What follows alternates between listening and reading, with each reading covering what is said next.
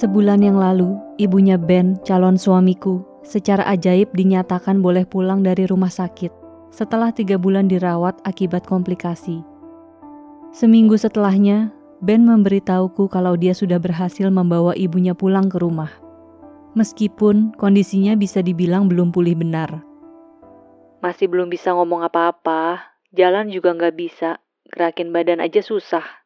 Jadi ya diranjang aja. Tapi sebelum pulang sempat tes darah, kata dokternya udah bagus. Tinggal dijaga aja makannya jangan yang minyak-minyak banget sama manis-manis banget. Ajaib dan aneh banget sih sebenarnya. Tapi ya aku bersyukur aja lah. Aduh, itu embul ya? Ih, kangen embul deh. Ya kan seminggu lagi juga ketemu. Iya, kamu sabar ya. Ntar pas aku ke sana kita atur bareng semuanya. Sejak awal ibunya masuk rumah sakit, Ben langsung meninggalkan pekerjaannya di bank. Dia ingin fokus mengurus ibu di kota kelahirannya di Semarang. Tentu saja itu juga berarti dia meminta kesediaanku untuk menunggu dan menunda waktu pernikahan. Makanya ketika ibu boleh pulang ke rumah, aku dan Ben mulai memikirkan berbagai cara untuk membawanya tinggal bersama kami di Jakarta ketika nanti kondisinya sudah lebih sehat. Rumah keluarga Ben di Semarang bisa dibilang tidak terlalu besar. Sebuah rumah peninggalan yang diwariskan dari generasi masa lalu. Hanya terdiri dari satu lantai dan cukup usang karena kurang terawat, terutama sejak ibu masuk rumah sakit. Karena hanya tinggal berdua dan sosok ibu masih belum bisa berjalan maupun berbicara, Ben memutuskan untuk tidur di dalam kamar yang sama. Ibu di atas ranjang dengan rangka kayu Sementara Ben tidur di lantai di sebelah ranjang ibu menggunakan kasur lipat. Malam pertama tinggal di rumah, Ben tidak berhasil menyuapi ibu makan. Dia hanya diam saja di tempat tidur dengan raut wajah kosong. Memasuki pukul 9 malam, dia membiasakan ibunya dengan hal-hal yang dulu selalu dilakukan menjelang tidur. Menyetel saluran televisi yang memutar sinetron favoritnya, mematikan lampu kamar dan menyalakan lampu tidur di samping ranjang, kemudian memasang aromaterapi beraroma lavender.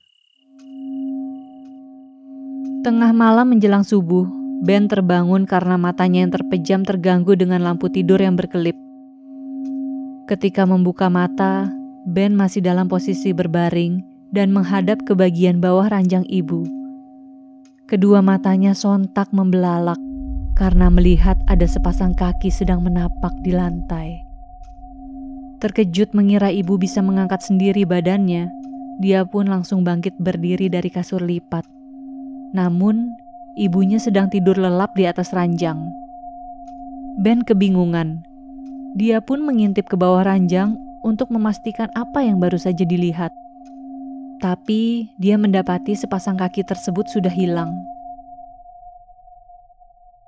Ben tersentak ketika lampu tidur tiba-tiba mati sendiri.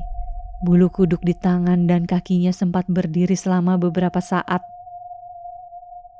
Karena tidak berhasil menyalakan lampu, dia memilih untuk kembali mencoba tidur dan berencana mengganti bohlam lampu besok pagi.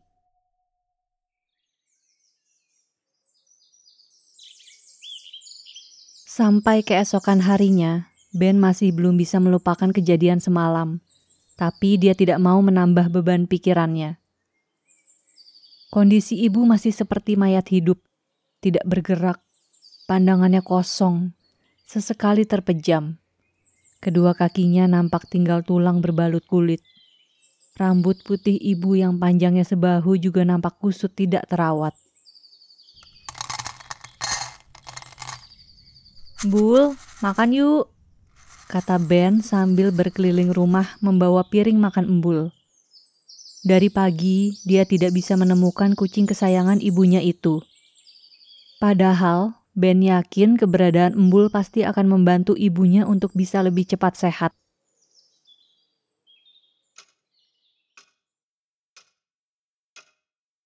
Malam kedua menjelang tidur, Ben kembali melakukan rutinitas yang sama seperti malam sebelumnya meskipun kondisi ibu belum ada perubahan berarti.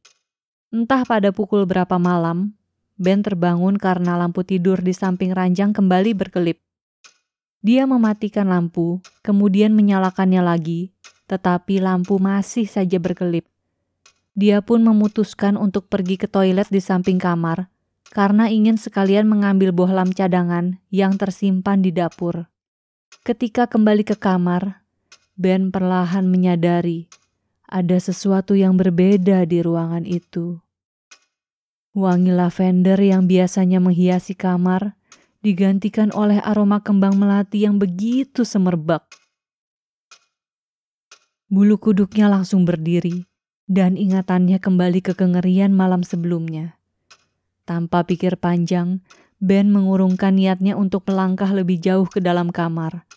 Dia memutuskan untuk tidur di sofa ruang keluarga di bagian tengah rumah, hanya berjarak sepuluh langkah dari kamar tidur ibu. Memasuki ruang keluarga, Ben sekali lagi harus menghentikan langkahnya. Dari balik punggung sofa, dia melihat sang ibu sedang duduk diam membelakangi. Kepalanya terlihat menunduk menghadap ke televisi yang tidak menyala. Jantungnya berdebar begitu kencang di telinga. Dia tidak tahu apakah dia berhalusinasi atau memang ada sesuatu yang tidak beres di rumah. Pikirannya kalut.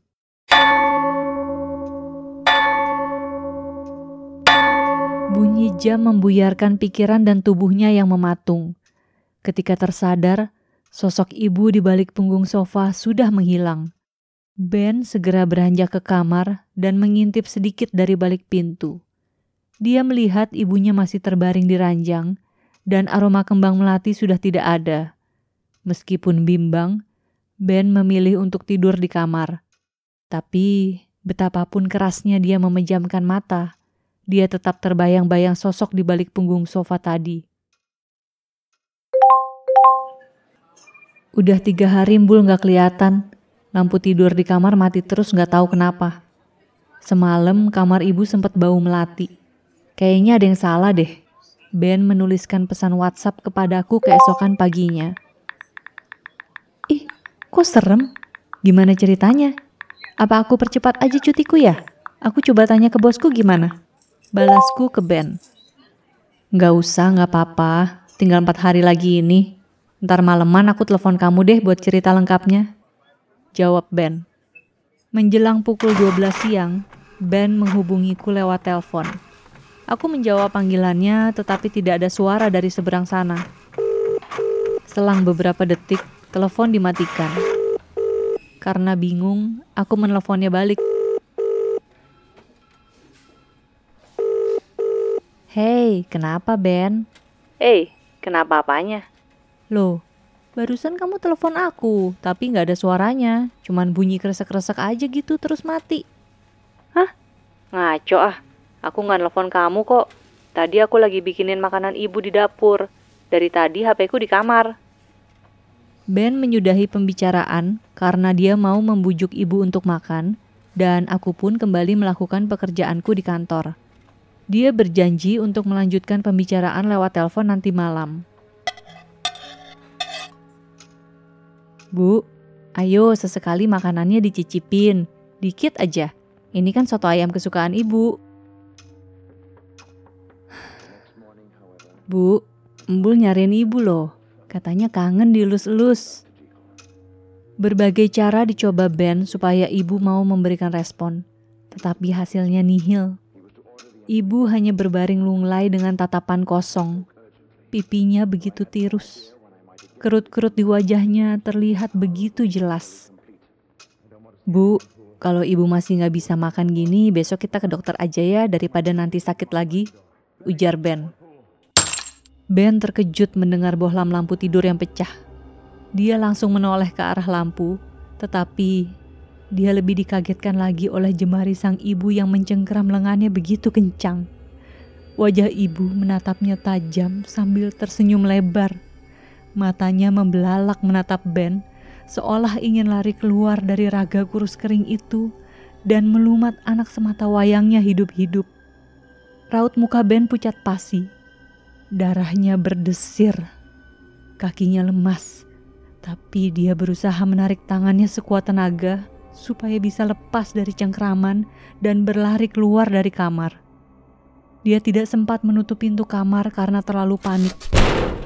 Tetapi pintu itu terbanting sendiri dan tertutup rapat. Sayup-sayup Ben bisa mendengar ibunya tertawa lantang. Waktu menunjukkan pukul 10 malam. Aku di rumah sudah siap-siap tidur, tapi masih menunggu telepon dari Ben. Aku sebenarnya sudah mencoba menghubungi dia sebelumnya, tapi tidak ada jawaban.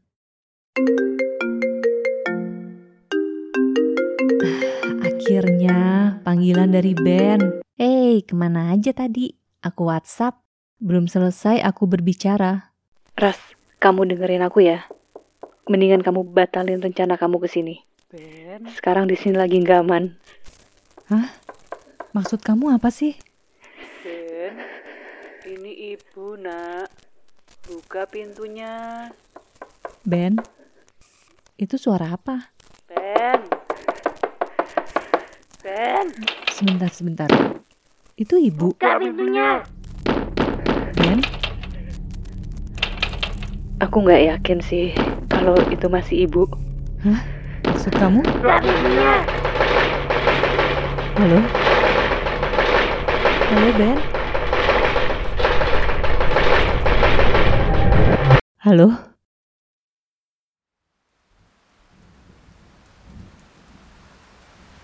Ya, Ras. Gue ikut sedih ya. Iya, thank you ya, Vin. Udah nemenin gue. Terus, lo udah berhasil tahu si Ben hilang ke mana? Itu gue juga masih nggak tahu. Soalnya setelah nelfon gue, Ben ternyata sempat ngubungin polisi. Tapi pas polisi ke sana katanya rumahnya kosong. Baik Ben sama ibunya nggak ada di sana. Tapi juga katanya kayak nggak kenapa-kenapa gitu loh rumahnya. Dompet, deposit box, elektronik aman semua. Oh, yang aneh, paling polisi nemuin kalung embul kayak robek-robek gitu. Eh, bentar. Kayaknya pesanan gue datang deh. Ntar ya, jangan tutup teleponnya. Iya, tenang aja. Ya, sebentar.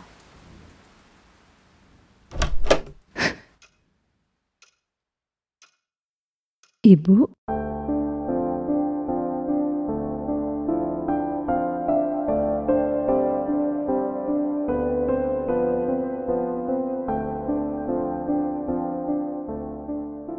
Halo teman-teman, terima kasih sudah mendengarkan cerpen berjudul Ibu. Cerita ibu ini aku tulis dan narasiin kayak udah beberapa bulan lalu gitu sebenarnya. Kalau nggak salah bulan Mei deh. Jadi waktu itu aku bikin dalam rangka segmen pembaca menulis podcast Main Mata yang kolaborasi sama podcast horor Do You See What I See. Cerpen ini juga dirilis di sana dari bulan Mei itu. Terus cerita ibu ini inspirasinya memang dari satu fase di kehidupanku sendiri tapi ya emang gak plek-plekan ya, namanya juga cerita, jadi ada exaggeration di beberapa bagian. Buat yang emang doyan sama cerita horor, semoga terhibur. Kalau yang gak suka, ya dinikmati saja. nah, ngomong-ngomong soal cerita horor nih, mumpung ceritanya sekalian ngerayain Halloween, jadi selama rekaman podcast Main Mata, aku pernah sekali mengalami sesi rekaman yang cukup bikin merinding. Untungnya sih ya, untungnya aku nyadarnya pas lagi proses editing bukan pas rekaman. Kalau sampai pas rekaman sih, ya males banget. Jadi kejadiannya tuh waktu sesi rekaman sama Mbak Siska Yuanita, dia ini editor buku fiksi Gramedia Pustaka Utama. Udah lama sih, kayaknya tahun 2018 deh. Kami rekaman di coffee shop yang sekarang sayangnya coffee shopnya udah tutup. Namanya aku lupa namanya apa. Pokoknya lokasinya di daerah Wijaya. Pas rekaman tuh sebenarnya nggak ada apa-apa sama sekali. Pokoknya lancar jaya semuanya. Tapi terus waktu itu hasil rekamannya kan yang ngedit suamiku tuh ya. Pas dia lagi ngedit, dia denger ada suara hembusan napas laki-laki di jeda antara obrolanku dan Mbak Siska. Padahal waktu itu kami rekaman cuma berdua dan di dalam semacam ruang meeting pula. Jadi nggak ada orang lain sama sekali. Suara hembusan napasnya juga terlalu gede deh kayaknya buat suara kami berdua. Soalnya agak bukan kayak hembusan yang natural gitu, tapi kayak orang lagi ngetes mikrofon. Ya, coba dengerin aja deh nih rekamannya. Kami masih nyimpen file rekamannya saking bersejarah mungkin ya. Soalnya ini sekali-sekalinya sih ada cerita horor waktu rekaman. Dulu. Oh, oke. itu saya banyak pegang banyak sekali pegang ciklik dulu sama thriller bareng. Itu kan beda banget genrenya kan. Yang satu hahaha gitu. Yang satu oh yang satu tegang terus pakai apa back soundnya apa Hans Zimmer gitu ya. Kayak gitu. Sementara yang nah itu kan beda banget. Saya nggak bisa pegang dua kayak gitu. Kecuali kecuali saya pisahin terjemahan di rumah saya kerjain di rumah yang di kantor saya ngedit. Ya itu bisa lah itu nggak apa-apa lah gitu kan tapi umumnya begitu Eh, apalagi ya tadi Itu dia tadi suaranya. Kedengeran gak sih? Serem gak sih? Ya, jangan dibandingin sama orang-orang yang ngelihat perwujudan setan bermata merah atau berambut gondrong kali ya. Tapi pas lagi ngedit terus denger suara yang kayak gini sih males banget sih. Dan untungnya juga setelah itu udah nggak ada cerita-cerita aneh lagi selama rekaman. Dan emang setelah itu aku juga nggak pernah rekaman lagi di coffee shop itu dan ternyata coffee shopnya juga udah tutup. Anyway, terima kasih sekali lagi udah dengerin. Kalau kamu suka dengan pembacaan cerpennya, kami akan berterima kasih banget kalau kamu mau merekomendasikan bab ini atau podcast Main Mata secara keseluruhan ke teman-teman kamu yang suka baca buku dan juga suka dengerin cerpen audio. Mau kasih saran atau masukan juga boleh banget. Bisa lewat Instagram di @patricia.wulandari atau di @potlakpodcast. Kalau di Twitter bisa di @patipatigulipat atau di @podcastpotlak. Jangan lupa follow podcast Main Mata di Spotify dan beri dukungan juga untuk jaringan Potluck dengan follow dan subscribe di YouTube dan platform podcast lainnya. Untuk informasi lengkap seputar episode terbaru yang akan tayang dari channel-channel podcast yang ada, follow jaringan Potluck di Instagram @potluckpodcast. Segitu dulu. Dadah.